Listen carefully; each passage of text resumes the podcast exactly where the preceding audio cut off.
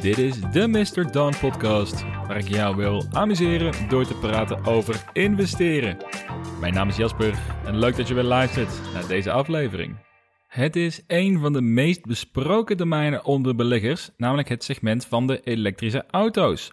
Deze markt is jarenlang het domein geweest van Tesla, die er grotendeels voor hebben gezorgd dat er momenteel steeds meer vraag is naar deze auto's. En inmiddels is het overduidelijk dat autofabrikanten mee moeten in deze ontwikkeling om in de toekomst relevant te blijven.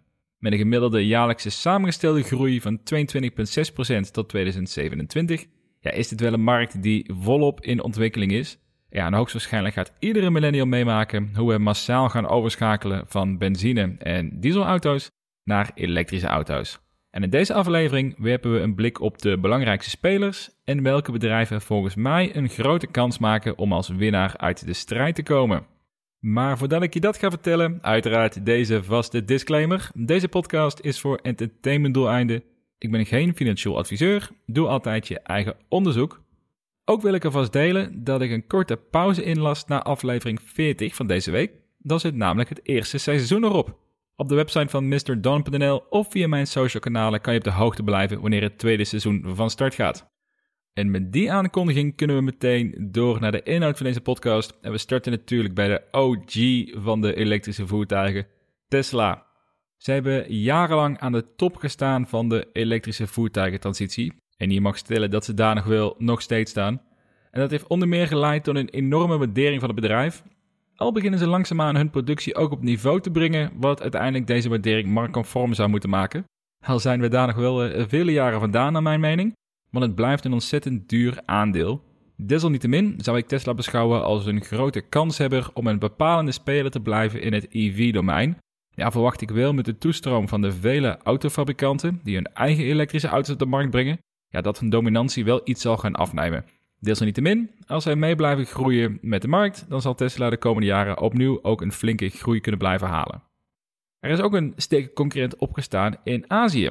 Met NIO is er een bedrijf in China die een vergelijkbare cultstatus als Tesla aan het creëren is, bijvoorbeeld met speciale hubs puur ter ontspanning voor NIO-rijders.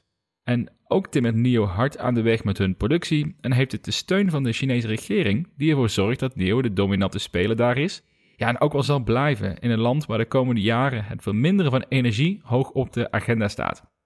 Persoonlijk investeer ik niet in Chinese bedrijven, omdat ik mij niet comfortabel voel met hun regelgeving daar. Maar dat betekent niet dat NIO geen dominante speler kan worden in Azië in de komende jaren. Dus als jij daar wat comfortabeler mee bent om te investeren in Chinese bedrijven, dan is NIO zeker eentje om in de gaten te houden. Daarnaast is het natuurlijk makkelijk om te kijken naar de opkomende EV-spelers, maar daarmee zouden we een aantal legacy autofabrikanten tekort doen. Want ook bij de bekende automerken wordt hard gewerkt om met moderne EV's te komen. Tot nu toe valt het wel op dat vrijwel alle fabrikanten een elektrische variant maken, wat meer ontworpen is vanuit een traditioneel automodel. Dus er zit heel weinig baanbrekend in qua design. Anderzijds kan het ook wel juist een kracht worden, namelijk herkenbare auto's, echter dan aangedreven door elektriciteit in plaats van door diesel of benzine. Merken die sterk bezig zijn, zijn onder meer Mercedes-Benz, die een geweldige luxe EV op de markt aan het zetten zijn. Audi is traditioneel sterk, net als Volkswagen, BMW, Volvo en Hyundai. En ik denk dat dat allemaal merken zijn die relevant gaan blijven in de komende 10 jaar.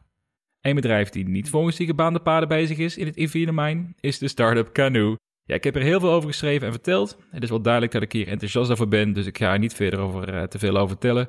Ik zie hen ook vooral in de niche een serieuze positie pakken. Dus meer in de markt van pick-up trucks, ride-sharing modellen en bezorgbusjes.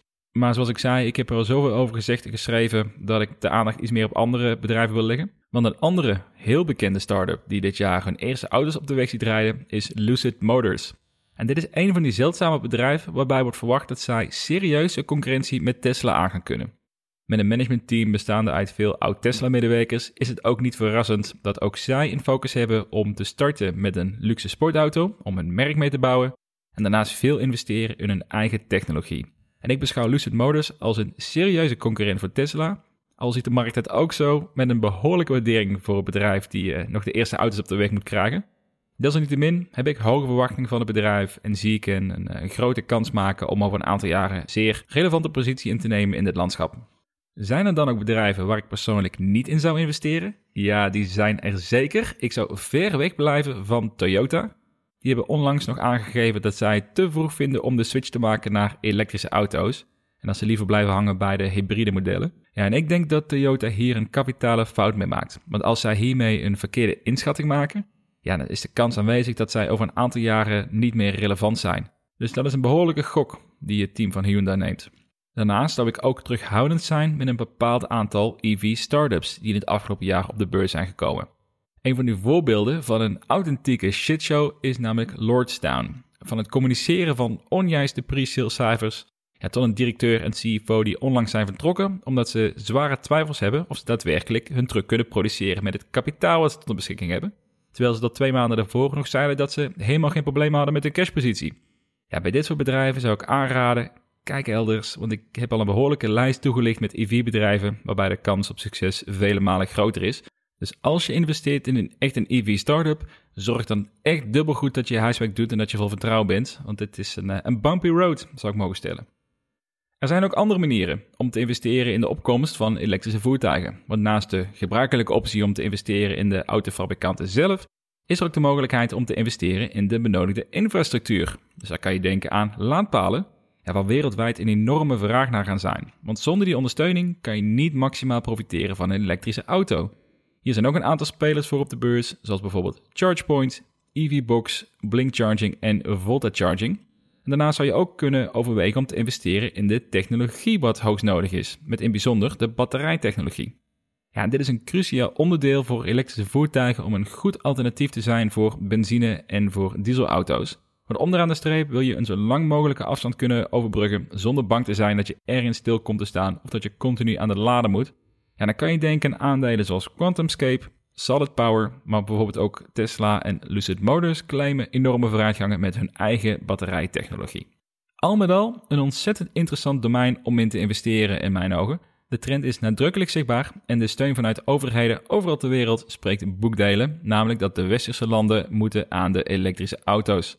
Persoonlijk kies ik ervoor om te investeren in een tweetal automotive fabrikanten, namelijk Lucid Motors en Canoo, en een Encharger bedrijf met Volta Charging maar ik denk dat er meerdere goede investeringsmogelijkheden zijn. Dit is geen winner-takes-all markt. Er zullen meerdere autofabrikanten zijn die in de toekomst een steekbedrijf zullen opbouwen. Ja, dit zou als belegger zeker overwegen om in ieder geval een positie te hebben in dit snel groeiende domein. Persoonlijk kan ik niet wachten op de Lucid Air, maar daarvoor zal ik nog een behoorlijk aantal jaren succesvol moeten zijn met beleggen. Wil jij nou kans maken op Lucid Air? Dan kan je meer lezen over beleggen, cryptocurrency en startup investing op www.mrdon.nl. Voor nu bedankt voor het luisteren en graag tot de volgende aflevering.